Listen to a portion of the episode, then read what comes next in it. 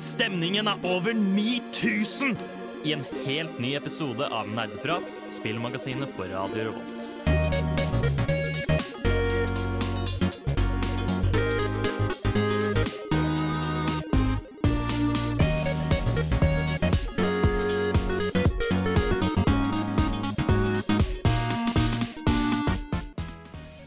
Hallo og hjertelig velkommen tilbake til nok en ny episode med Nerdprat. Vi er tilbake i studio, eller noen av oss i hvert fall er tilbake Ja. i studio. Um, vi skal i dag snakke om kultspill. Vi har snakket om dette tidligere, uh, men eh, en ting vi merket da vi den eh, da, da vi snakket om det, var at det er enormt mange kultklassikere som finnes. Ja. Altfor mange kultklassikere, så vi har lyst til å ha det igjen, sånn at vi kan snakke om litt flere av dem. Og derfor, det skal vi snakke om i dag. ja. Forhåpentligvis gi det noen anbefalinger og snakke om de vi har skjært i våre hjerter. Ja. Det, jeg er da Håkon, eh, jeg er programleder, og som du sikkert hørte der, så har vi også med Bård? Og det er bare oss to i dag, men vi skal eh, styre skuta så godt vi kan. Og det skal vi også uh, gjøre med å prate og nerde og jeg vet ikke. Det, det vi kan best, Ja. egentlig. Uh, nå skal vi gjøre en låt. Vi skal høre Wet Leg med 'Being in Love'. Å, helvete! Jeg må forte meg! Det er en ny episode av Nerdeprat. Det kan jeg ikke gå glipp av.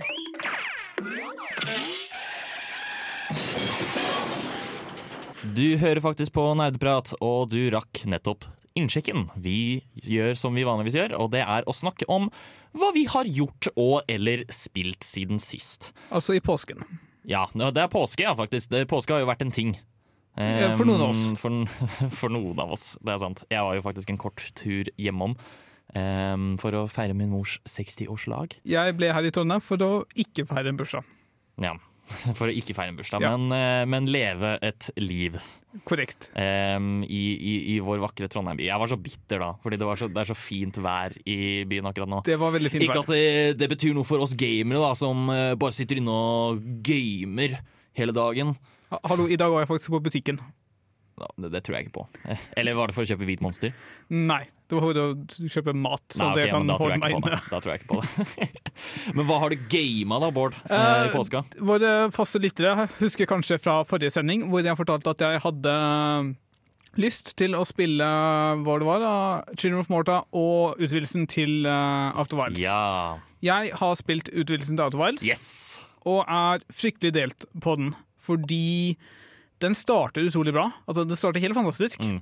og holder seg god lenge, men så er jeg kommet til slutten, hvor de har klart å gjenskape en utrolig problematisk eh, del av originalspillet, og bare gjort det mye verre. Og mye lengre og mye større, og bare Jeg, jeg hater det. Å ja.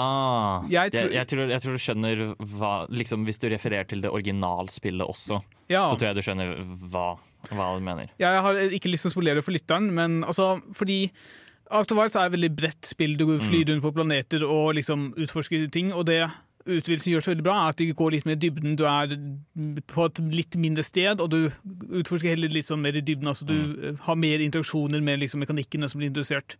Men så kommer det til et dypeste nivå hvor det bare Ja, blir helt forferdelig, og så klarer du det ikke, og så blir du kasta ut, og så må du liksom gjøre en sekvens på ti minutter for å komme deg tilbake til samme ja sted. det er veldig frustrerende. Det blir kastet ut igjen fordi det er bare dårlig designet. Mm. Det er eh, Ja, fordi selve verdenen du besøker i spillet, er jo liksom Det følger på en måte veldig mange av de samme tinga de gjør i vanlig Outer Wild, som er ah, det har en timeplan, på dette minuttet så skjer Ja. dette, da bryter da, da skjer det endringer, på en måte. Sånn at du kan kun eh, få tilgang til enkelte steder på enkelte tidspunkt i syklusen. Som jo er kjempesmart og kjempekult designet. Men um, Og jeg vet også veldig mange liker ikke de aspektene, fordi det blir jo low-key et skrekkspill. Um, Det, det er nettopp det altså, eller, Skrekken har jeg ikke så mye problemer med, men det at det skal være så mørkt, og du ender opp med å måtte memorisere ting Ja. for å finne fram, det skjønner jeg meg ikke på. mm. Men jeg vil si at jeg syntes i hvert fall at payoffen på slutten, avslutningsvis, at det er verdt å spille igjen. Jeg, jeg håper det også. Jeg må bare finne tålmodigheten til å klare å orke meg gjennom det der, fordi det var skikkelig ja, Det skal, det skal for øvrig også sies at atmosfæren er helt fantastisk. Ja, altså alt Altså helt det er, det er kanskje sånn 75-80 Ja. ute i noe sånt, uten tvil. Alt, fram, alt før det veldig, veldig bra. Ja. Altså, utrolig bra gjennomført. Det er så bra innovativt designet, alt mulig, men så kommer du til det stedet hvor det Hvorfor har de ikke lært? Hvorfor fikser de ikke det? Hvorfor har de implementert samme feilen fra originalspillet? Det var liksom den absolutt verste delen fra originalspillet, og så gjør de det samme på nytt, bare enda større. Ja. Ja. Det vet du hva? Ja, jeg, jeg tenkte ikke så veldig mye om det da, men det er jo faktisk ganske frustrerende. ja. Så det skjønner jeg. Har du spilt noe annet? Ja, jeg har det. Jeg har spilt Lost Ark. Det skal jeg ikke snakke så mye om, fordi jeg har snakket altfor mye om Lost Ark. I tillegg så har jeg ingenting. Eh, Jeg har funnet et spill som jeg tror Tai ville absolutt elsket, men dessverre for oss så er ikke Tai her. Vi Får håpe han hører på denne sendingen. Eh, ja, vi får håpe det. Eh, jeg har funnet et inkrementelt spill, altså type cookie clicker. Men det er ikke, det er ikke bare én ressurs du administrerer. Du starter med én ressurs som er liksom manaen din. Det heter eh, Orb of Creation. Okay. Du starter med manaen din, og så kan du liksom utforske manaen din og få liksom mer kunnskap, og så etter hvert så finner du kanskje litt uh, tryllemagi. Og så må du bruke da forskjellige ressurser for å eh, forske på for å låse opp nye ressurser, eller bare få bedre kapasitet i disse ressursene. Så istedenfor bare ha liksom én valuta som du bygger opp og drar ned, og, altså, som du liksom manøvrerer, så er det liksom Jeg tror det er åtte forskjellige nå, pluss Nei, det er sikkert mer tolv eller noe sånt. Fordi jeg må Ja. også telle med ting du kan lage av denne mana-ressursen-tingen din. Så det er bare ekstremt mye, da. Å Ja. på en måte Veldig micromanage. Ja. Veldig, veldig mange menyer og sånne ting, men det er utrolig kult hvor bra gjennomført det er. Altså er, Hvis du ikke liker et sånn evighet inkrementelt spill, ikke, ikke spill det, men hvis du kan liksom Kan se verdien av et spill som er komplekse og liksom bygger opp på hverandre, så er det absolutt veldig kult. Det viktigste spørsmålet er det like tilfredsstillende som å trykke på kjeksen.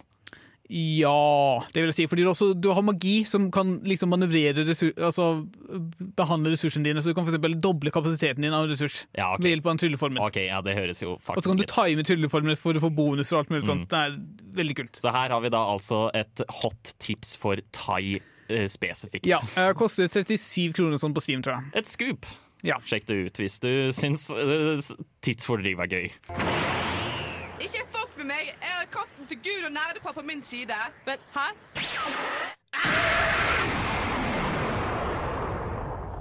Jeg har jo også spilt spill siden sist, faktisk. Jeg er jo ferdig med min praksis som lektorstudent. Og du har hatt ferie. Du har til og med reist. Hatt ferie, reist til Fredrikstad. Har egentlig ikke fått tid til å gjøre så mye annet enn å spille videospill um, og se Simpsons. Det er jo ingenting å gjøre i Fredrikstad, er det vel? Em, nei. Altså, det er en pen by. Fin uh, sommerby. Men det var jo varmere i Trondheim enn det var i Fredrikstad. Det var jo ingen grunn til å gå ut. Nei, nettopp. Um, så da har jeg valgt å spille spill. Det første jeg har lyst til å snakke om der, er uh, Kirby. Som jeg har snakket om litt tid, Som vi har snakket om en del tidligere. Ja, vi hadde en hel sending om Kirby. En hel sending om Kirby. Uh, og jeg har da spilt mer av Kirby and the Forgotten Land, kommet meg litt lenger i historien. Og jeg liker det fortsatt. Der er det veldig sjarmerende, Um, bra level design med, stor, med store, åpne, gøye nivåer. Men det er én klage jeg har, og det er en ganske stor en, som jeg på en måte innså når jeg kom til den fjerde verden og ble litt sjokka, egentlig. Det var sånn um, Det var en verden som ikke introduserte noen nye um, kopieringsevner. Okay. Og da var jeg sånn, men hvorfor ikke det? Hvor er dem? Og så innså jeg, å ja, jeg har funnet alle allerede. Og det er innen tredje verden. Av hvor mange verdener? Ehm, jeg tror seks. Og det, og det var litt skuffende, fordi det, spillet mangler vel en, del av de mer ikoniske evnene som Beam og Fighter Kirby. Uh, og, og, og, det er også favorittdelen min av de gamle Kirby-spillene. Å se alle de nye, kule, gøye evnene som kommer. Ja. Eh, men men de, de har jo åpenbart veid opp dette ved at du kan oppgradere eh, copybiltene dine, sånn at de blir annerledes. Det, det vil jo jeg si liksom er et slags plaster på såret, men kanskje Ja. man heller burde spredt utover de nye, da. Det er jo Ja, kanskje det. Det er jo en type ny vri på det, og de, de prøver jo på noe nytt med det. Men jeg personlig liker å ha litt variasjon på det. Det er Ja, veldig kult med er- oppgraderingssystemet, og jeg liker det veldig godt, Um, men at jeg gjerne skulle hatt litt flere kopieringsevner enn det er i spillet foreløpig. Jeg tror at hvis de fortsetter denne formelen her, så kan de jo sikkert bare gå større og bare få enda flere kopieringsevner etter hvert. Eventuelt ta noen ferske, noen nye. Det kan jo være at de liksom prøvde å begrense litt fordi det var, en, det var første gang i 3D. De, det var nye, altså nytt farvann, så Ja. kanskje de ville være litt forsiktige og heller holde seg litt lavt. Mm. Det er en passe stor klage i et for det meste veldig bra spill. Ja, Eh, men jeg liker det veldig godt. så godt å høre. Neste så har jeg spilt eh, jeg, skal, jeg skal nevne superkjapt. Eh, det, fordi det ble min forrige innsjekk så ble det tatt opp av Elden Ring. Men jeg har også spilt A Short Hike, eh, som er et søtt lite spill hvor du styrer en fugl. Uh, og du, uh, du, har uh, ikke telefondekning der du er, så du får beskjed av tanta di Ja, bare klatre opp det høyeste fjellet i stedet, så, så får du dekning der oppe. Så klart. Så da løper du rundt, og så hjelper du folk, og så på en måte samler du styrken til å kunne klatre dette fjellet. Det spillet varer ikke mer enn 60 minutter, typ. Eh, det er et fantastisk koselig spill. Et av de koseligste spillene jeg har spilt. Så varm anbefaling fra meg. Det må jeg sjekke ut. Mm. Til slutt så har jeg spilt Moonlighter, um, som er en dungeon crawler slash eh, Stardew Valley merchant-type spill. Hva skal man kalle det? Ja, du, du, du går og jakter på ting, og så selger du det om dagen. Ja, du, så du går nede i huler. Og så kan du på en måte komme deg Og det har jo et endemål hvor du skal komme deg til den siste hulen. Ja. og type ting, men på veien for, for å komme deg dit, så må du tjene cash fordi du må oppgradere våpnene dine med penger. Og for å få cash, så går du ned i dungeons og eh, tar monstre og finner materiale og slikt. Oppgraderer du ikke landsbyen også, på en Jo, måte? du oppgraderer landsbyen sånn at du kan tjene mer penger. Og altså Ikke Sånn. for å være stille med landsbyen, for liksom gjenopplive landsbyen, men bare for å tjene penger. på Jo den. da, det òg, men uh, i hovedsak for å tjene penger. Ja. Fra gameplay-perspektiv så er det for å tjene mer penger. Okay, ja, skjønner. Em, og, så det er på en måte en liten sånn Det er todelt spill, uh, nesten. Em, hvor det, på dagtid, eller mm, ja, på dagtid så selger du ting, og på nattetid, eller dagtid der òg, så raider du. Og det er eh, en, Jeg er overraskende med på dette spillet, fordi dungeon crawler-elementene er egentlig ganske simple. Det er utrolig simpelt gameplay, men det er veldig sånn avhengighetsskapende. Fordi du tenker ja, jeg bare tar det en gang til, så får jeg råd til det her. Og så kan jeg komme meg lenger ned. type ting. Altså Mye av gleden er jo sånn hva finner jeg nå, og hvor mye kan jeg selge for. Ja. ja, nettopp. Fordi det, det liker jeg også spesifikt veldig godt. At du må nesten gjette litt hvor eh, mye en gjenstand kommer til å være verdt. Ja, I hvert fall før du har noe data å basere det på. Ja. Og jeg liker det veldig godt. Eh, veldig sjarmert av eh, det spillet. Og ja, veldig avhengighetsskapende, som nevnt. Nerdenytt.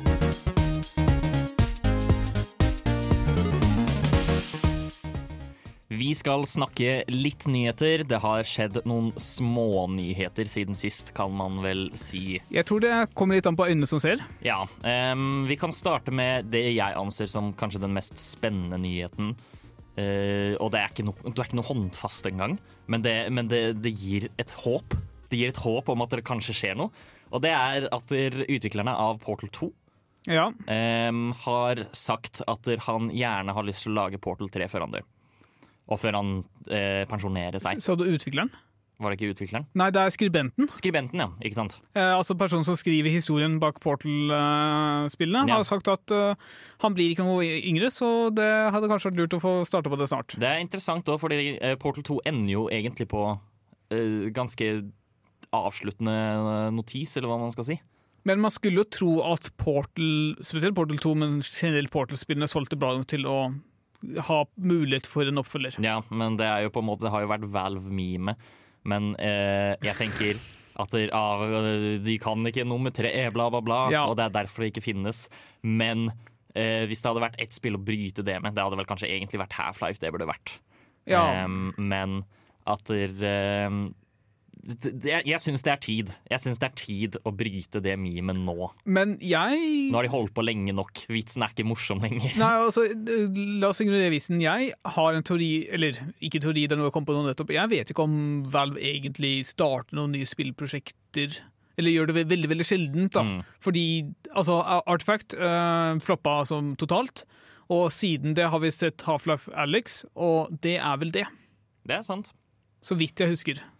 Så jeg, jeg, jeg vet ikke hvor mye spillutvikling de gjør. Kanskje de har sikkert ett team på Dota, og kanskje de har ett team som utvikler et eller annet ved siden av. Og hvis ikke det er Portal 3, så må du da vente til det er ferdig før de kanskje kan starte på Portal 3. Ja. Det er eh, Ja, nei. Vi, vi, får håpe de har noe skjult, og at de har noe planlagt. Så lenge det blir bra. Hvis det blir Ja. dårlig, så kan du bare Ja, la være. Så lenge, så lenge det blir bra. Ja, ikke, ikke lage ny artifact, vær så Mm. snill. Men jeg, men jeg syns i hvert fall det er spennende og Jeg vet ikke. Det gir meg en liten optimistisk følelse. Det er også interessant at han, altså, skribenten sier dette i intervju. Altså, det er ikke liksom Altså, At han faktisk snakker ut om det, syns Ja. jeg er veldig interessant. Mm. Eh, har vi noen flere nyheter? Ja, eh, vi har jo eh, det. Eh, vi har jo så, jeg vet ikke om vi snakker så mye om det, men Elden Ring hadde jo en massiv eh, lansering Ja. eh, for en god stund siden nå. Nå har jo et nytt spill kommet ut og hatt en nesten like stor lansering som heter Lego Star Wars The Skywalker Saga. ja, ikke sant?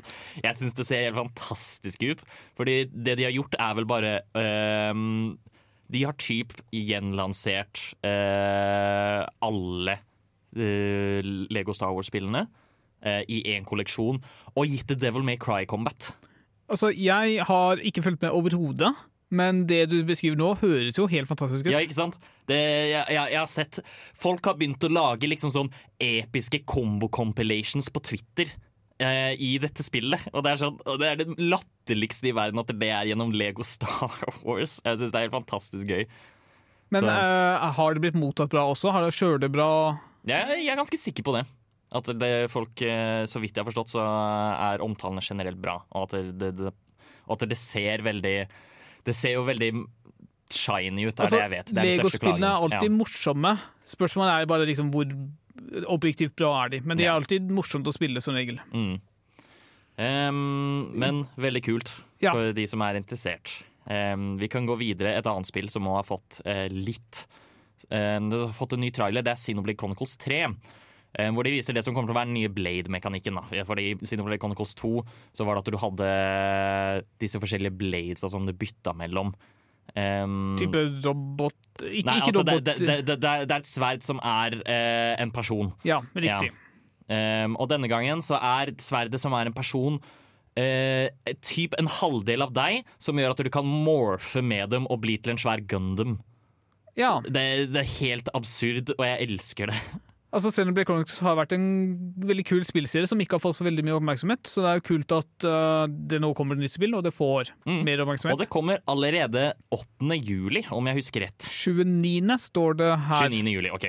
Uh, jeg bare jeg gjetta. men i hvert fall i sommer. Ja. Som, som er eh, veldig mye nærmere enn jeg trodde det kom til å være. Jeg har ikke hørt om det før nå. Ja, men altså, det ble annonsert eh, forrige eh, Nintendo Direct, som var for en måned siden, kanskje. Ja, det er veldig og så kommer det en trailer nå, og det er veldig overraskende for et spill som har blitt veldig stort innenfor Nintendos IP. Ja. Ja. Haha, du aktiverte nettopp mitt trap card. Nå er du nødt til å høre på nerdprat til episoden er ferdig. Nani?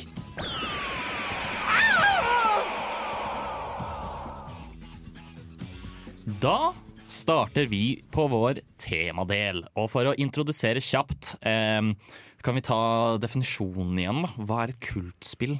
Et spill som har en veldig iherdig, som regel ganske smal tilskuddsskade. Mm. Sk- Ja, det vil altså si at der, hvis det er en gruppe som er på en måte gjerne helt fanatiske eller bare elsker virkelig Ja. eh, et videospill, da, så kan du kalle det en kultklassiker.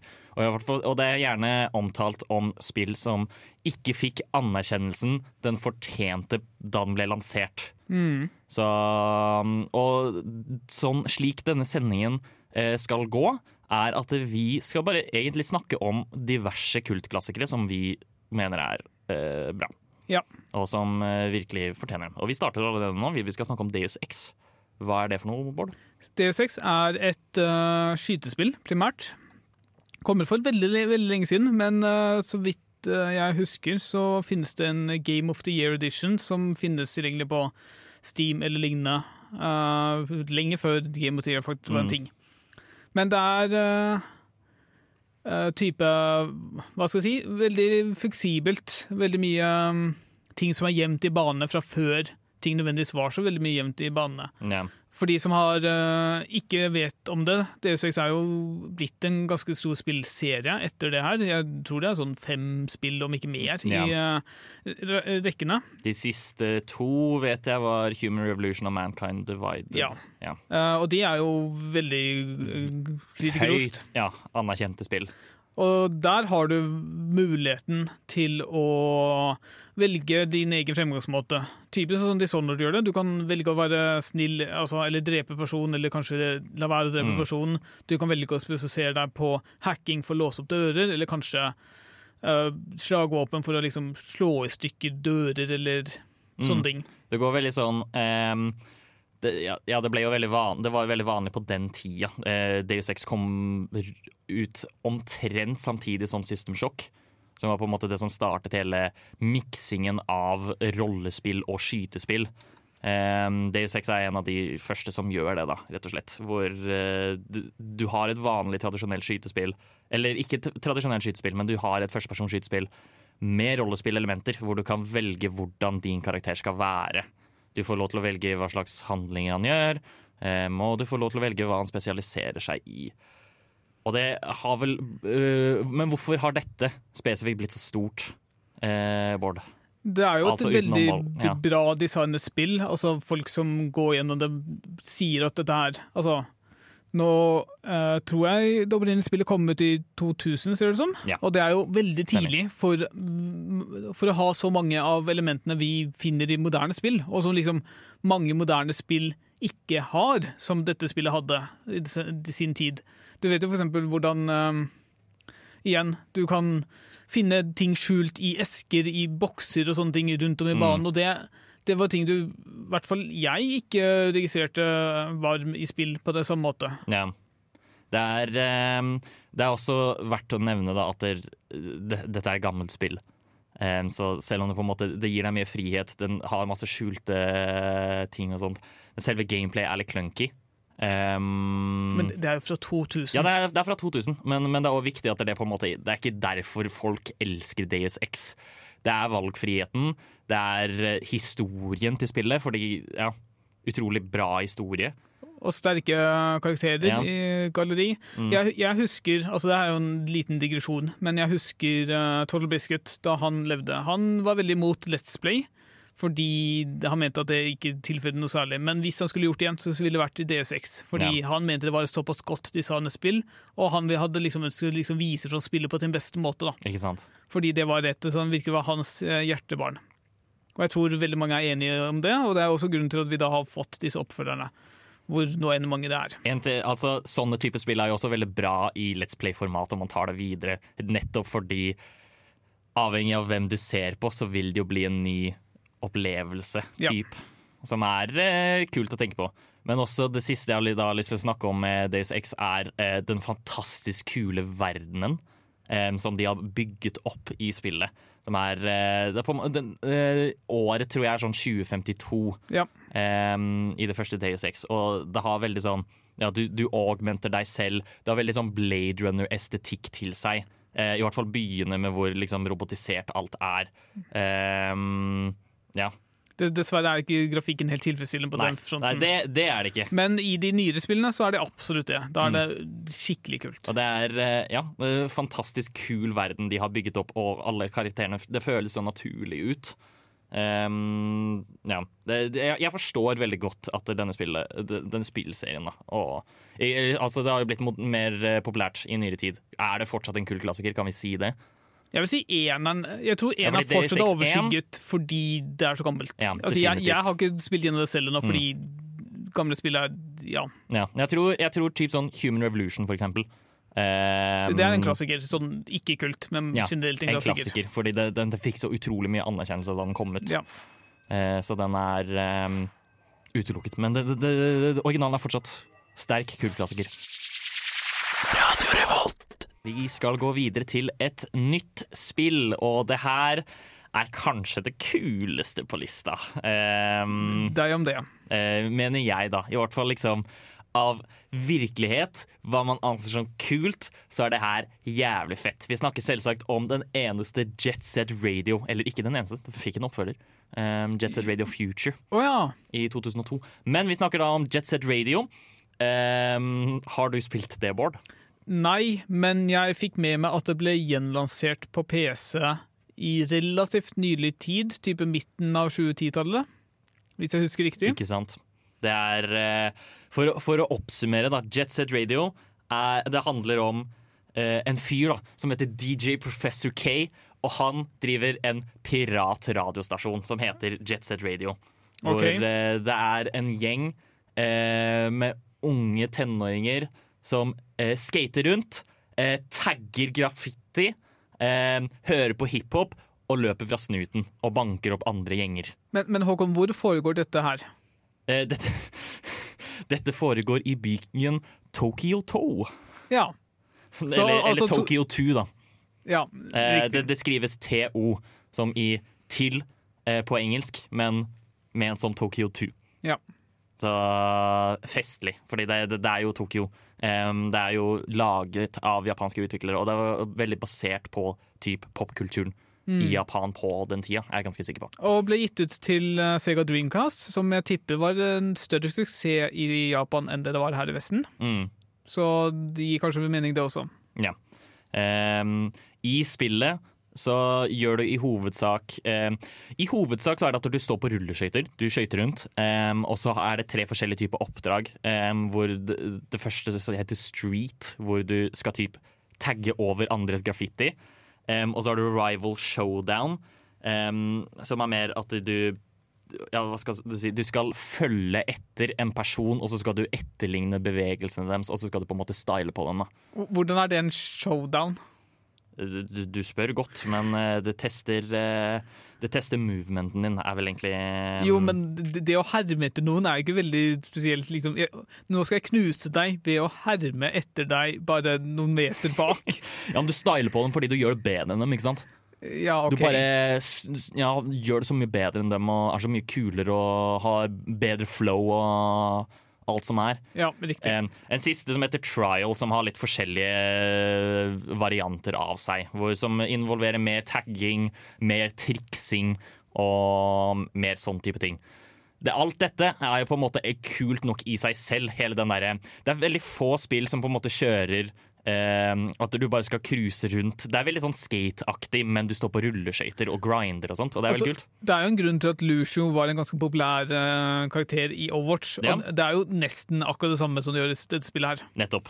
Eh, men det som uten tvil har gjort på en måte Jet Set Radio til så ikonisk som det er, er at det har helt psycho soundtrack. Eh, lydsporet til eh, dette spillet er liksom det er eh, preget av helt sjuke, eh, sånn klassiske hiphop-beats med masse scratching og ja, bare alt som er.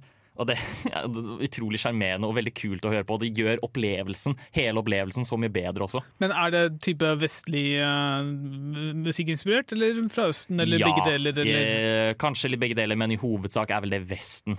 Eh, men i hvert fall mye av hiphopen som var på, ja, i USA på den tida. Ja, dette og ble veldig- også gitt ut i 2000, da, for de Ja. som ikke vet det. Mm. Det er veldig lignende beats. Og så har, det tillegg, har soundtrack i tillegg noen virkelige låter fra um, Fra hva da? fra artister Oh, som ja, lever. Sånn som for eksempel, det, er, det, er en, det var en ganske populær hiphop-gruppe som het Jurassic 5 på 90-tallet. De for eksempel er med i dette spillet her som en låt. Men er det da låten deres, eller er det en låt komponert av komponisten? Det er låten deres Ja. som de har eh, som en del av spillelista. Typ. ja, kult. Og det er, ja det, det, det, Spillet fikk jo også en oppfølger som heter Jet Set Radio Future.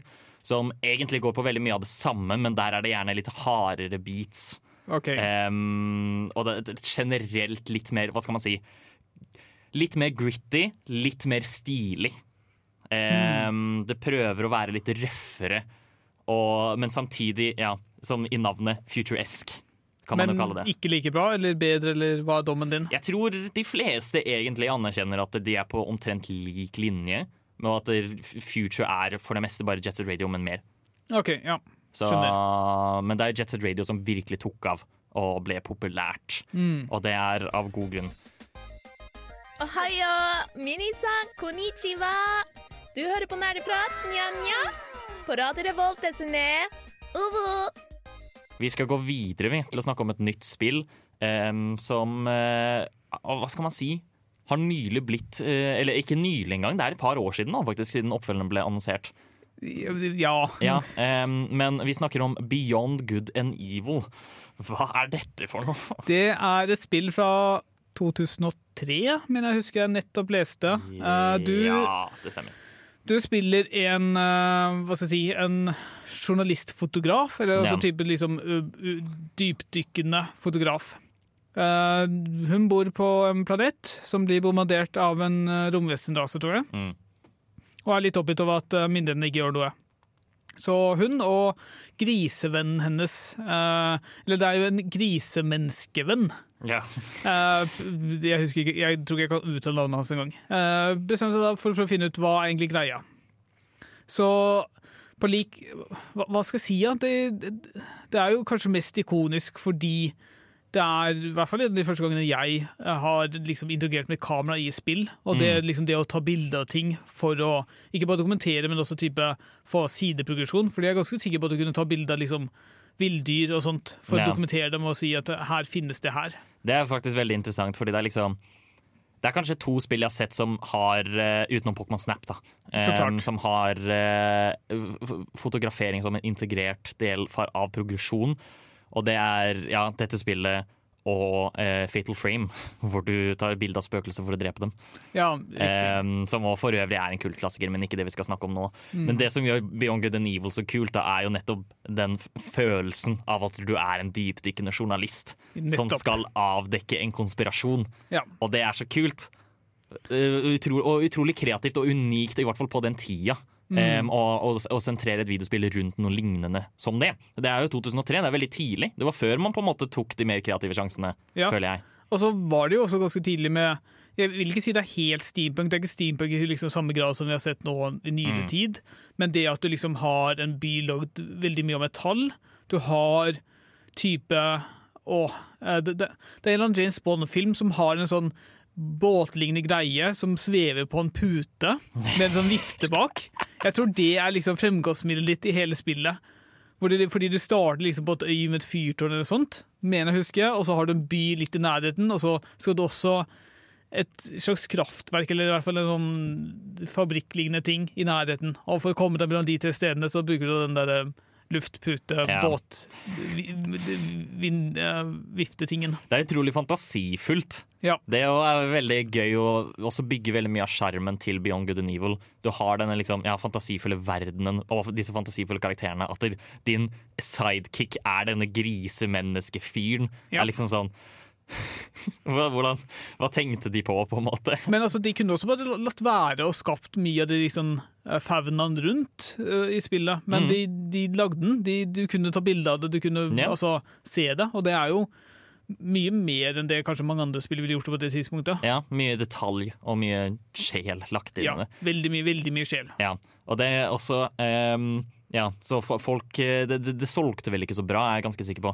Det her er faktisk eh, laget av eh, dem som lagde Rayman, er jeg ganske sikker på. Det er Ubisoft. Ja. Jeg vet ikke helt nøyaktig hvilken del av Ubisoft, men det er liksom kun Mm. Ubisoft. Og det var ment, den spillserien var jo også ment til å være en trilogi, så vidt jeg forsto.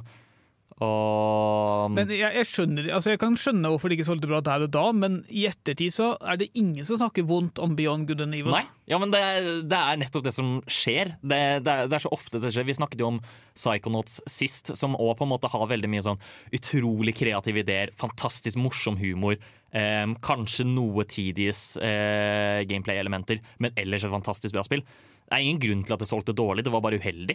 Men der er det kanskje fordi utvikleren var ukjent. Men her er det Ubisoft. Ja. Liksom selveste Ja, sånn sett, ja. ja. Det, ja. det er et godt poeng. Det er faktisk veldig rart. Det får i hvert fall en oppfølger Kanskje. snart, kanskje, muligens. Det, det, Eh, jeg, jeg, jeg har mistet litt troen. Det ble vel annonsert en oppfølger i 2016 eller 2017 eller noe sånt. men det er jo fem år siden. Ja, det er lenge siden. Eh, Og du så jo liksom gleden til folk da de endelig annonserte det 13 år senere. Eh, Vi får håpe det kommer. Ja.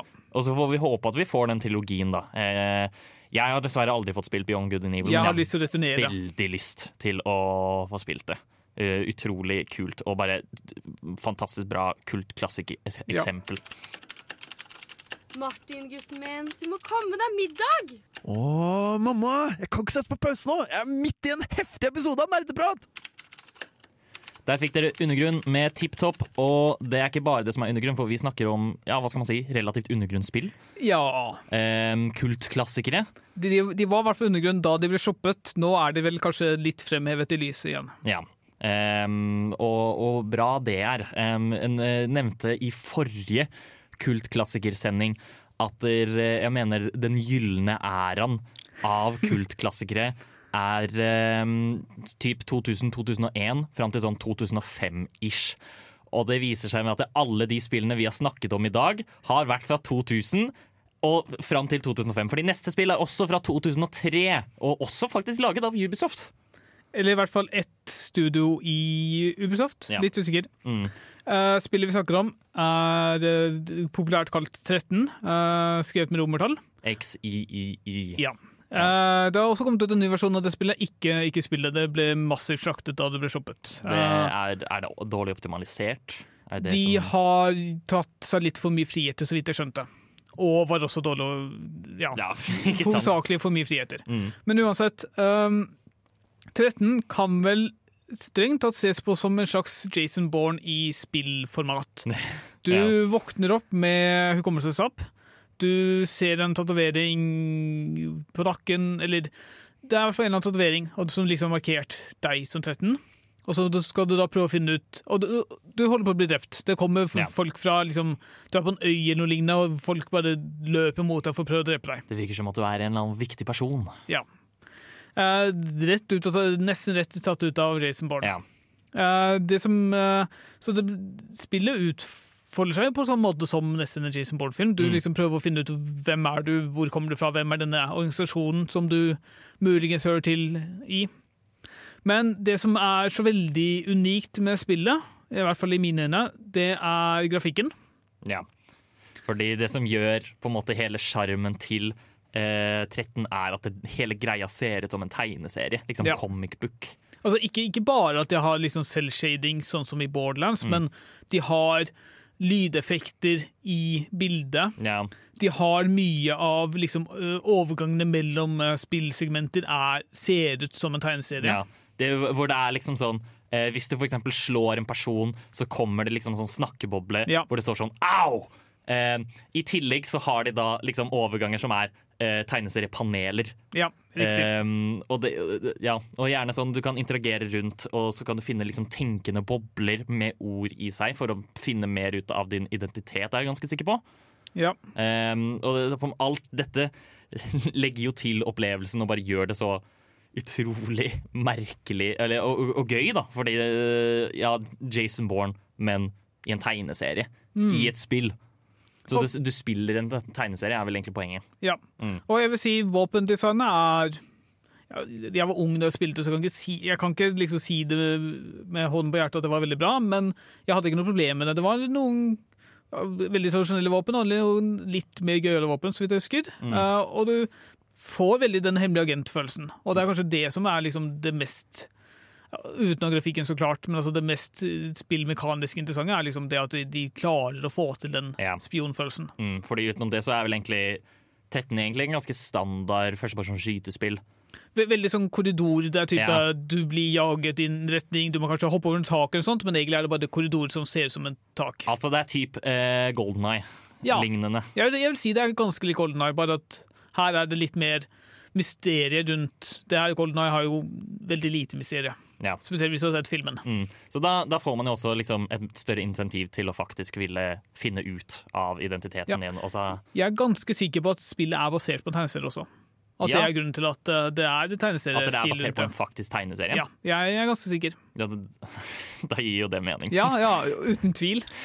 Men det er fortsatt det at noen faktisk tok steget og liksom videreførte tegneseriestilen i spillet istedenfor bare å gjøre det om til vanlig spill, er jo utrolig, utrolig kult. Mm. Jeg skulle ønske flere gjorde det. Det er ehm, Ja, det er kjempe, kjempekult. Og det er sånn Og her er det òg litt sånn uh, Ubisoft kom med det. eh, sjarmerende. O- det oser jo sjarm med liksom hele tegnestilen og alt det der. Jeg føler Hyper and Golden Eye og bare spionting generelt. Jeg klarer ikke helt å forstå hvordan dette floppet i anførselstegn. Nei, ikke heller. Ehm, fordi det har jo så mye rundt seg. Men det har da i ettertid fått en fortjent cult following. Ja. Um, for, for, fordi, fordi det har alle disse elementene som på en måte er så unikt med kun til dette spillet. Og det er veldig kult. På torsdag klokka fem nerdeprat. Det er torsdag, klokka er uh, Seks. Uh, Ja, den er ikke fem, uh, men eh, det er nerdeprat, i det minste. Vi snakker fortsatt om kultspill, og vi skal gå over til Det her er jo kanskje den kuleste, da, faktisk, for å ta det videre. Jeg har mine egne hjertebarn, men denne her er veldig kul likevel. Ja, eh, det er i hvert fall utrolig morsomt. Eh, Vi snakker om Brutal Legend. Hva er det for noe? Det er et uh, roll... Action-rollespill. Action-eventyr, kanskje? Action-eventyr, ja. Det er ikke så mye rollespillelementer. Du spiller en uh, musiker som uh, Jeg tror han spiller gitar, jeg er litt usikker. Mm. Som blir transportert til en type middelaldersk verden. Uh, veldig okay. metal. Ja. Du, du spiller Eddie Riggs for eh, referanse. Det jeg fant nettopp Er det en faktisk eh, musiker? Nei. Det er en ja, fiktiv musiker. Du blir transportert til en middelaldersk-lignende eventyrverden, hvor du da skal spille gitar og drepe monstre. Ja. Rett og slett. Så, så, så, så du, bærer, du bærer da altså en gitar, og du bærer en øks, og så bare flyr du rundt, spiller jævlig metall. Ehm, og dreper ting. Det er liksom ja, det er en metallkonsert i Ringenes herre. Ja, Men du, du flyr ikke rundt, Håkon. Du har en bil eller motorsykkel eller sånt Ja. som du kan mane frem og kjøre i. Ja, ja. Og så er det noen lignende veier eller noe sånt som eh, Jeg tror det er type veier Eller så kjøresystemet ligner Borderlands. Altså du, du har veier, du har noen hopp og Ah. sånne ting. Det, ja, det er helt fantastisk bra. Dette er jo laget da av eh, genien, geniet eh, Tim Shafer. Det er altså Double Fine. Eh, men også utviklet av Tim Shafer, som også lagde Psychonauts. Eh, Ja. Virkelig en av de mest kreative hjernene i- i spillutviklingsverdenen. Eh, I hvert fall eh, når man ser på liksom, tematikk Mm. og hva de gjør der. For et merkelig konsept, liksom. Men vi har jo ikke nevnt det kanskje aller merkeligste ennå, Ja, det, det, det villeste med Brutal Legend, det som virkelig gjør at den her, det spillet her er helt sinnssykt. Jeg har lyst til å si det. Eh, Det har elementer av sanntidsstrategi inni seg. Så du er en rockestjerne som av og til bare setter deg ned og har oversikt over uh, slagmarken og sender undersåttene dine av gårde for Ja. å headbange folk til døde. Så du, så du, så du slår uh, du, du, løper rundt, du spiller musikk, eller du kjører rundt, spiller musikk, uh, dreper folk med øks, men òg har en hel hær som du krigfører med. Ja. Og da, og da kan du som nevnt Da har de forskjellige hærene spesifikke roller, hvor du f.eks. har en gruppe som er headbangers, og de kan headbange for å ødelegge bygg eller lignende. ja. Og det er uh... Vent, vent, da kan du ødelegge bygg i dette spillet også? Var dette her eh, Battlefield bare forut for sin tid? det, er- Jeg vet ikke om det var noe sånn, men da er det sikkert liksom byggelementer. Ja, men sånn som for eksempel sikkert. statuer kan du rive med å headbange dem ned. Ja. Det- Og, og forhåpentligvis reise en statue av deg selv istedenfor. Ja, det, det er jo det man skal. Man, eh, Eddie Riggs han kødder ikke. Han skal, eh, han skal bli sjef, han skal erobre. Eh, Visstnok så skal det også ha ganske bra stemmeskuespill av liksom relativt kjente stemmeskuespillere, eller artister, eller sånne ting. Jeg, jeg har starta spillet, men aldri kommet noe særlig langt i det, så jeg kan dessverre ikke bekrefte det selv. Mm. Ja, nei, det er heller aldri spillspill, men det, Og ganske bra lydspor. Altså, det er jo et metal-lydspor, så klart. det må jo åpenbart ha et stort fokus på lydsporet når eh, en musikksjanger er en sentral del av eh, spillet. Ja. Så Spillet minner meg litt om eh, Jeg vet ikke om du har sett det selv, men det finnes en TV-serie som heter Metal Locolypse. Som det bare skaffer litt sånn samme assosiasjoner til det. Ja, type At du er et metal-band som blir, blir dratt inn i en eller annen merkelig situasjon, og så blir, følger man det metal-bandet av egentlig ikke noen grunn, bare, men det er ja, bare fordi det er artig. Ja. Ja. Her, her er metallpokalypsen deg, du er han. ingenting annet skal leve enn metall i dette universet. Og det er, ehm, det er så unikt, og det er så kreativt, og en helt vill uh, sammensetning av sjangere. Uh, med, med å ha action-eventyr, men med sanntidsstrategielementer i seg. Det er, uh, de, har, de har vært veldig kreative med det spillet her. Ja, det virker også det liksom klart å replikere det at Mm. du, du kommer inn i fremmed verden og er relativt ukjent, og så bare bygger du opp den armeen vi snakka om at du kunne kontrollere. Den må jo komme fra et sted. Ja. Så kanskje du på en måte blir rockestjerne. Jeg vet ikke, Du blir i hvert fall mer kjent i dette universet da, og kan begynne å kontrollere folk. Som Mm. er en slags analogi til rockestjerner, da, kan man si. Jeg er usikker på hvor bra spillet egentlig gjorde det. Det er jeg også. Eh, men det er i hvert fall Double Fine, og Double Fine er på en måte kjent for å ikke ha gjort det så bra. Det er det. Um, men de, altså, de lager jo kulere spill, men de slår ikke nødvendigvis helt an. Fordi det er en merkelig sjangerblanding. Ja. Det er, det er utrolig annerledes spill fra det som kanskje er normen. Eh, men det er jo det som også gjør dem så utrolig sjarmerende. ja, Spesielt i 2009. Ja. 2009 var et banebrytende spill, og for banebrytende inkludering. Ja. Bare tenk at to år etter dette så kom Skyrim ut. Ikke Ja. Det, det, jeg vet hva som er det bedre åpne, åpne Ja, verdensspillet. Ja. uten tvil. Vi har dessverre ikke noe musikk fra eh, Brutal Legend, men dere kan heller få høre My Friend Joe med Old to Sleepless Nights. Det du går hen, da? Festen er ikke over ennå, du hører jo fortsatt på nerdeprat! Woo! Vi skal hoppe tilbake til Ubisoft, vi. Eh, vi, vi. Vi har snakket om en del Ubisoft-spill. Det er helt sjukt at de faktisk lagde bra spill på et tidspunkt, og ikke bare Assassin's Creed. Ja, men det er også sykt at alle overså dem. Ja. Jeg hater gamere. Jeg hater gamere så sjukt. Hvorfor kan dere ikke uh, se hva som er bra spill? Vi skal snakke om um, en, uh, I hvert fall før så var denne serien ekstremt oversett, og det er da Rayman-serien. Ja. Og jeg sier serien uh, spesifikt fordi de tre første spillene er sånn kriminelt oversett, egentlig. Um, Det var, det var sikkert PlayStation 1 her, var det ikke? eh, I hvert fall, eh, ja. De to første spillene var PlayStation 1 slash Nintendo 64. Mhm. Um, mens eh, Rayman 3 var vel PlayStation 2. Ja. Uh, og så har det kommet nyere spill, uh, Rayman Origins og Rayman Legends, som er utrolig kritikerroste, og som har solgt egentlig ganske bra. De regner vi ikke med i denne her, Fordi da har de på en måte funnet. Ja. Um, og der, de òg skal burde virkelig nevnes da, for å ha fantastisk sjarmerende eh, tegnestil og eh, noe av det beste level-designet jeg har sett i en 2D-plattformer noensinne. Eh, der oppe med Donkey Kong Country, min mening. Uansett, vi skal snakke om eh, de, de tre første Rayman-spillene. Um, jeg kan veldig kjapt nevne den første Rayman, Fordi jeg tror ikke det er så mange som liker det. Og det er fordi det er en 2D-plattformer som ikke skilte seg ut så veldig fra resten. OK. Um, hovedsak så var det jo Rayman som på en måte var greia, da. Som er denne Jeg vet ikke hva man skal kalle han engang. En merkelig mann. Ja, og han har ikke lemmer. Ja, riktig. Ja. Så han, han, er bare, han er bare en svevende kropp, et svevende hode med svevende hender og svevende føtter. Mm. Um, og han kan kaste hendene sine da, for å slå og slikt. Um, men det første spillet er på en måte kjent for å være veldig tregt og veldig vanskelig.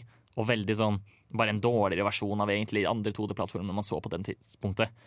Og så kommer Rayman 2, hvor det på en måte skiller seg litt mer ut. Um, og ja, da, da blir det jo en 3D-plattformer à la um, Ikke, ikke à la Collectathon som Banjo Kazooie og Super Mario eh, 64, men mer sånn du går fra nivå til nivå og Mhm. gjør ting. Det spillet også er merkelig fordi du kaster energiballer istedenfor hendene dine. Men, men vent, da. Det var i 3D? Ja. OK. Så, og så har jeg lyst til å mm, si, bare i hovedsak lyst til å snakke om Rayman 3, da. Fordi her òg er det liksom veldig rare med gameplayet. Historien er ikke så veldig liksom utfyllende i det hele tatt. Em, men, så, så jeg har ikke tenkt å snakke så mye om, om det. Men gameplay spesifikt. I Rayman 3 i hvert fall, så løper du i hovedsak rundt og slår folk, men så har du også disse typ hermetikkboksene som bare du finner rundt omkring. Og så hvis du tar en, så får du bare en helt ny evne. Sånn som eksempel at du kan skyte strøm, eller at du blir supersterk, eller at du blir til et helikopter. Så merkelig. Ja, og det er sånn Hvorfor, hvorfor får du disse Bare rar stilpresentasjon at du får det gjennom hermetikkbokser som bare finnes rundt på Ja. banen. Det er som, det er som eh, skipperen når han spiser spinat. Ja, bare at skipperen blir kun sterk. Ja, skipperen blir kun sterk, mens eh, Rayman kan gjøre litt flere ting. Og det som, eh, mye av det som gjør eh, at Rayman, da, i hvert fall disse spillene, eh, Rayman 2 og Rayman 3 har fått en kult-following, er fordi det har veldig sånn vittig, merkelig humor. eh, hvor alle karakterene er liksom sånn Det er veldig sånn slapstick-aktig humor, men det fungerer i lys av karakterene. Og de, de er så krasse, og de sier så dumme ting. Det, så hele stilpresentasjonen er så rar, Ja. og det tror jeg folk liker. Og så tror jeg også, fordi mange spesielt Nå har jeg bare spilt 2D Raymond, tror jeg, i hvert fall på veldig lenge, og Mm. mange av dem var veldig standarder, mens i det Raymond-spillet jeg spilte, så hadde du ringer du kunne liksom skjenge deg mellom. Du, Ja. hadde liksom, du hadde i hvert fall litt variasjon, du måtte tenke av og til litt for å komme deg videre, og det syns i hvert fall jeg, pris på som liten. Ja, for level-designet i Rayman er jo også helt glimrende. Det er Ja. utrolig godt gjennomført. eh, og ja, jeg forstår veldig godt at Rayman som karakter ikke har tatt av i det hele tatt, fordi det er jo ikke veldig bra karakterdesign. Men de burde se banene, hvor pene de er, Ja, og Om du faktisk spiller er. spillene, så ser du liksom hvor utrolig godt gjennomført spillene er. Og Ja. jeg syns det er rart at de ikke har laget noe nytt etter Legends. Det er sånn syv år siden nå. Hvor, hva, hva har skjedd med Rayman? Hvorfor eh, Ja, nei, jeg, jeg, jeg blir lei meg. Jeg blir sur. Vi skal nå høre fra en mann som er veldig langt unna hva han syns om programmet Nerdeprat på Radio Revolt. Nerdeprat er veldig gøy! Vi snakker om nerdeting og dataspill! Sånt liker jeg! Vi snakker om nerdeting og dataspill, og vi har jo gravd oss ned i et nerdehull i dag ved å snakke om diverse kultklassikere. Ja. Og i hvert fall eh, nå kommer kanskje det mest obskure hittil. Det eneste grunnen til at jeg vet at dette spillet eksisterer, er fordi jeg så det på ADGQ eller SDGQ for noen år siden. Ja. Og jeg bare tidligere bare nevnte ja, vi skal ikke prate om det spillet her, da, som ingen, jeg ikke annet eksisterte engang, fordi det er såpass rart. Jeg hadde glemt at det eksisterte for sånn eh, helt til Bård tok det opp. Um, og det, det var sånn Jeg fikk kjennskap til det for sånn mange år siden. Og så har jeg ikke tenkt på det siden. Typ. Eh, vi snakker selvsagt om spillet Glover. Eh, dette ble lansert til eh, PlayStation 1 og 1964 i 1998. Ja. Og det handler om Du er en hanske, bokstavelig talt. Glover. Ja, så som Um, i, I Rayman så hadde du ikke lemmer, og her har altså den ene hansken da rømt fra Rayman for å starte sitt eget spill. Ja, nettopp. Um, og i, i Glover så er du denne hånda, og hele hensikten er at hver eneste bane har en ball, og du skal få denne ballen til mål.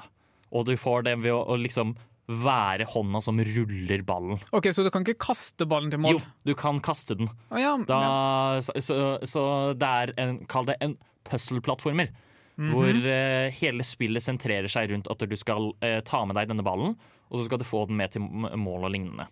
Men hvor mange forskjellige handlinger kan du gjøre med den ballen? Um, Er det kun rulle og kasting, eller kan du sprette den? Kan du hoppe på den? Kan du Jeg vet ikke. Um, ja, du, du, du, kan, altså, du kan rulle um, du, ja, du, kan, du kan sprette den som en basketball.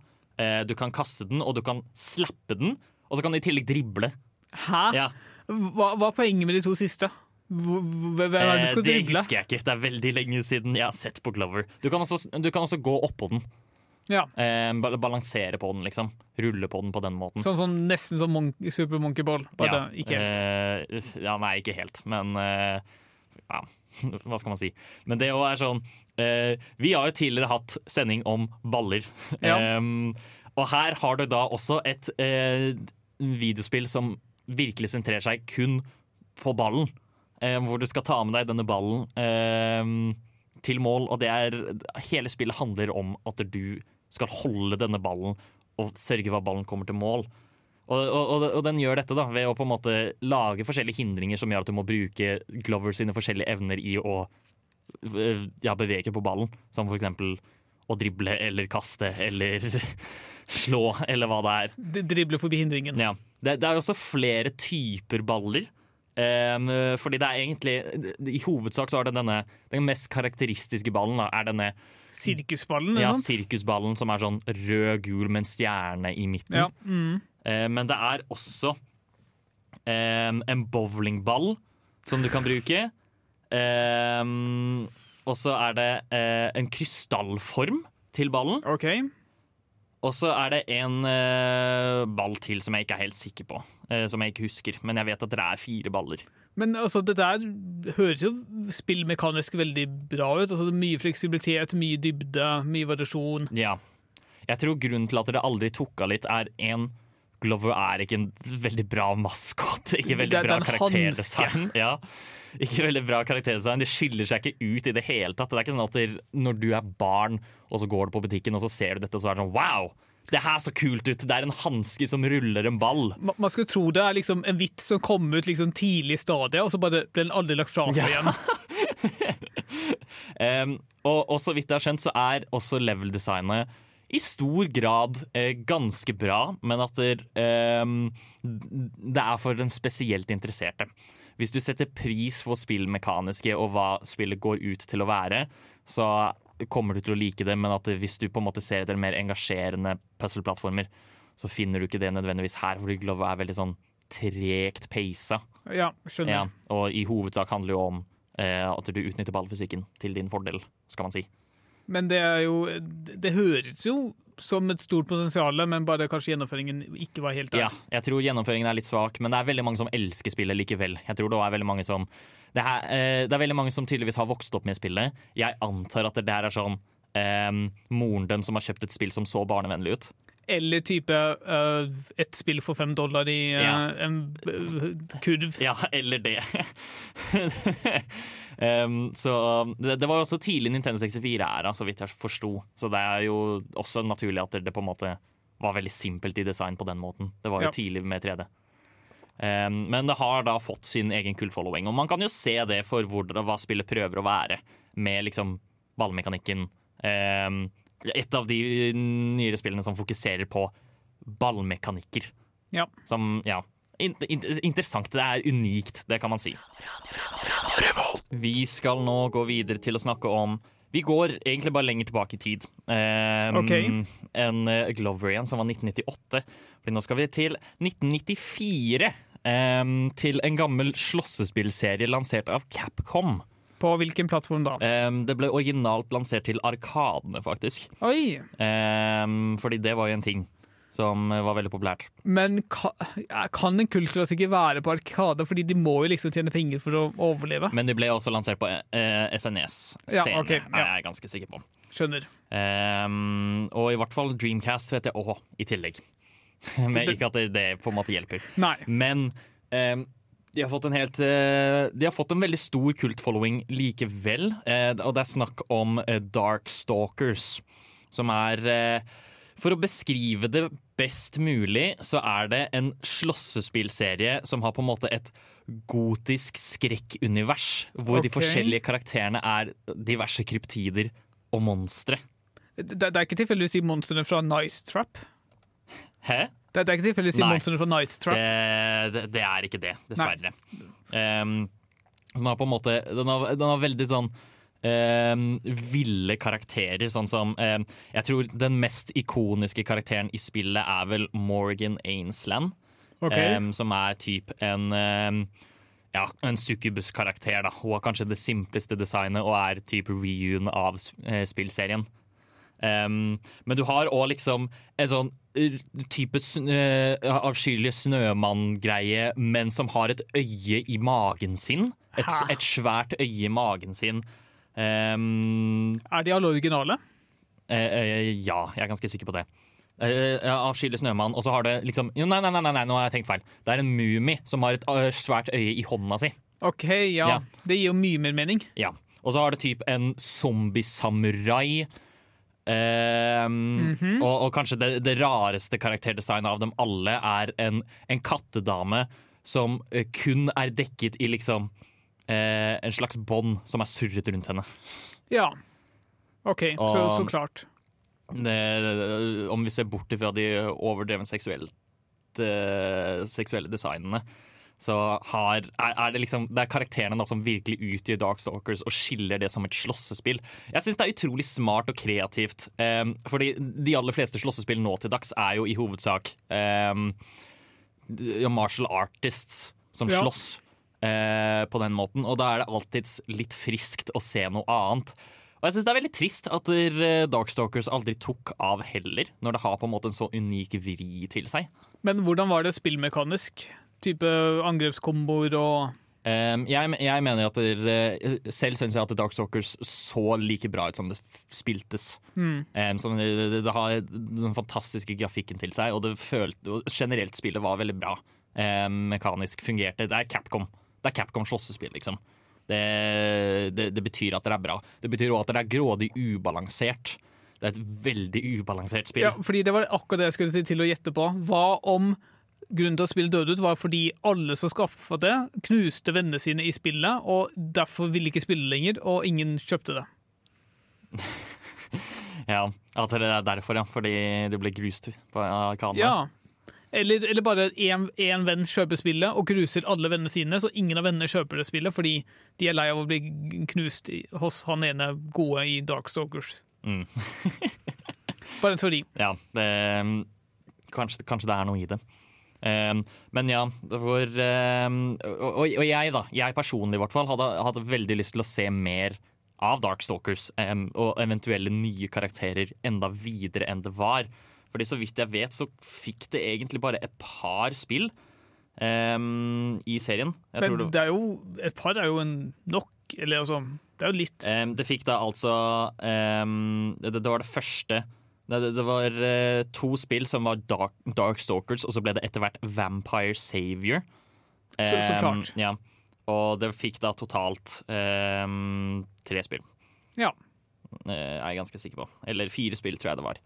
Og det er uh, veldig trist, veldig trist syns jeg, for uh, en så unik slåssespillserie. Men den har fått, spesifikt det første spillet har fått veldig veldig stor cold following blant uh, slåssespill-fanatics. Men, men eh, over hvor lang tid kom disse spillene ut? Er det type ti år, eller er det tre år, eller Eh, det siste kom vel eh, i 1997. OK, så ja. Ja, så det, De pumpa ut da, og så så de at de ikke tjente penger, og da har de sikkert fort, ikke fortsatt det. Ja. Eh, det kommer en remaster til Switch nå om ikke så lenge. Sjekk det ut hvis du syntes det hørtes kult ut. Åh, jeg liker egentlig veldig godt å jazze med gutta. Det er jo så gøy. Ja, spesielt med nerdeprat. Nerdeprat er så koselig å jazze med. Ja, ja, jeg er helt enig i det. Ja, ja altså, de burde jo egentlig hett Jazzeprat, de. Du hører på Jazzeprat. Velkommen til Jazzeprat. Dette er spalten hvor vi egentlig bare jazzer litt rundt om et tema. Kanskje tilknyttet til eh, sendingens tema, kanskje ikke. I dag er den det. Og det er rett og slett fordi eh, jeg har lyst til å diskutere litt um, en, en gammel klassiker, i hvert fall i mitt og Bård sitt hjerte. Eh, Jeg tror egentlig Ty sitt også. Ja. Um, Ikke at han er til å kommentere på det, men Nei. Eh, og, og, og vi valgte å ta det her i jazzeprat istedenfor å ha det som en del av vår hovedtemadel, rett og slett fordi vi er litt usikre på om det er en kultklassiker eller ikke. Vi snakker selvsagt om eh, Donald Duck Quack Attack. selvsagt. Ja, det, det ikoniske spillet. Som eh, egentlig bare er en Crash Bandicoot-klone, men med Donald. Men altså, jeg vil Nå er det, nå er det evig siden jeg har spilt det, men jeg vil gi det litt mer heder enn som så. Fordi det er Ja, altså spillmekanisk, veldig, veldig likt. Uh, bossene vil jeg si er mer interessante i Donald Duck. Mm, ja, det er sant. Og så tror jeg Donald Duck prøver å ha en historie av noe slag. Eller altså, Crash har også en historie, men det er liksom dialogløs historie. Mens jeg tror Donald har en historie. Ja. Jeg tror det er noe Petter Smart som er inni og gjør noe greier. Og Er sånt. det ikke det, det er vel kanskje det òg, men jeg tror det er en original karakter som heter Murloc. Ja. Som stjeler uh, Dolly, da. Det høres riktig ut. Kidnapper Dolly. Um, og, og Donald må redde uh, henne. Og da er det på en måte Det som gjør Quack Attack så sykt sjarmerende, er jo fordi den har veldig mye av den dumme Donald-sjarmen. Så for eksempel Hub-worlden, hvor du teleporterer deg til de forskjellige verdenene, er jo liksom Petter Smart sitt hovedkvarter. Det var derfor jeg tenkte på Petter Smart, ja. Ja. Um, og han på en måte teleporterer deg ved at du blir sugd gjennom denne svære ventilen, eller hva man skal si, til de forskjellige områdene. Um, ja, og så er det sånn og, og når du spiller selve spillet òg, når du er ute på et nivå, nivåene er kanskje ofte litt kjedelige, i hvert fall sånn. Eh, det første eh, gressområdet for eksempel, er litt sånn plain. Det blir mer spennende når det kommer til spøkelsesverden og litt sånt. Mm. Eh, men det, det, det, det som virkelig Det jeg liker best med selve spillet, er jo når du for eksempel når du spiller Donald, og han hopper rundt. Og så hvis du tar skade, så blir han liksom denne skyen, liksom slåsskyen, Ja. som han blir i serien. Og så, og, så, og, så, og så blir han sinna. Da blir han sinna, da er han klar til å slåss. Hvis, han, Altså- blir, hvis han tar skade. Det, det er jo Donald-lyder, Ja. og det gjør jo spillet så mye bedre. Mm. Og det er bare Det, det, det, det, er, ja, det oser sjarm uh, av uh, den, den klassiske Donald-skjermen. Jeg elsker jo Donald over så overalt på jord, nesten, holdt jeg på å si. Jeg, vet ikke om jeg er helt der selv, men Ja. jeg, jeg har jo faktisk prøvd å plukke opp Crash Bandicoot-trilogien Mm. i nyere tid, og jeg vet ikke. Det, det kanskje jeg har, ikke, jeg har ikke prøvd å plukke opp Donald, så det er litt vanskelig å sammenligne dem. Men uh, banene i Crash er jo utrolig ensformige. Ja. Ofte veldig like i både liksom, plassering og hvordan du, hva som mål å gjøre. Mm. Hopp forbi noen utfordringer, kanskje det er noe elv imellom, du går litt til siden. Sånn. Kanskje er løper du fra en stein en gang. Ja. Um, sånn type ting. Um, Donald har jo også veldig mye Altså Quack Attack har jo også veldig mye av det kanskje mer repetitive level-designet. Men jeg husker da du skulle prøve å beseire B-gjengen som hadde sånn kran med en kule på seg. Ja. Åh, Så så ikonisk. Ja, så fantastisk gøy. Det er sånn Hvorfor finnes det ikke flere eh, Donald Duck-spill liksom, som sentrerer seg rundt karakterene i Andeby?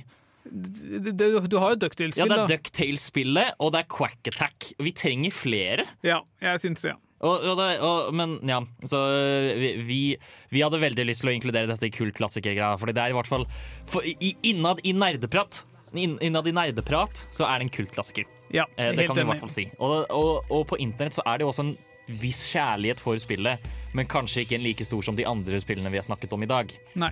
Ehm, og derfor har vi nå jazzet litt rundt det. Halla, snupper. Vil du være med og høre på nerdprat, eller? OK, her kommer vi! Da var vi ferdige for i dag. Vi har gravd oss uh, rundt i forskjellige kultklassikere.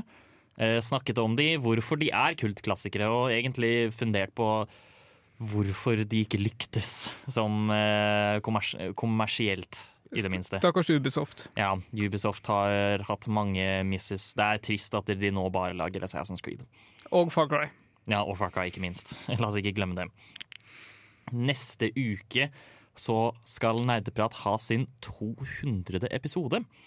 Um, og i den anledning så har vi lyst til å snakke om gameren. Jeg gleder meg. Ja, det, det, er, det er jo ingen hemmelighet til dere faste lyttere at vi i Nerdeprat har et lite ambivalent forhold til vår gjeng, våre mm. gamere. Vi får høre om det da. For nå så får dere høre Let's Eat Grandma med Levitation. Ha det bra. Ha det.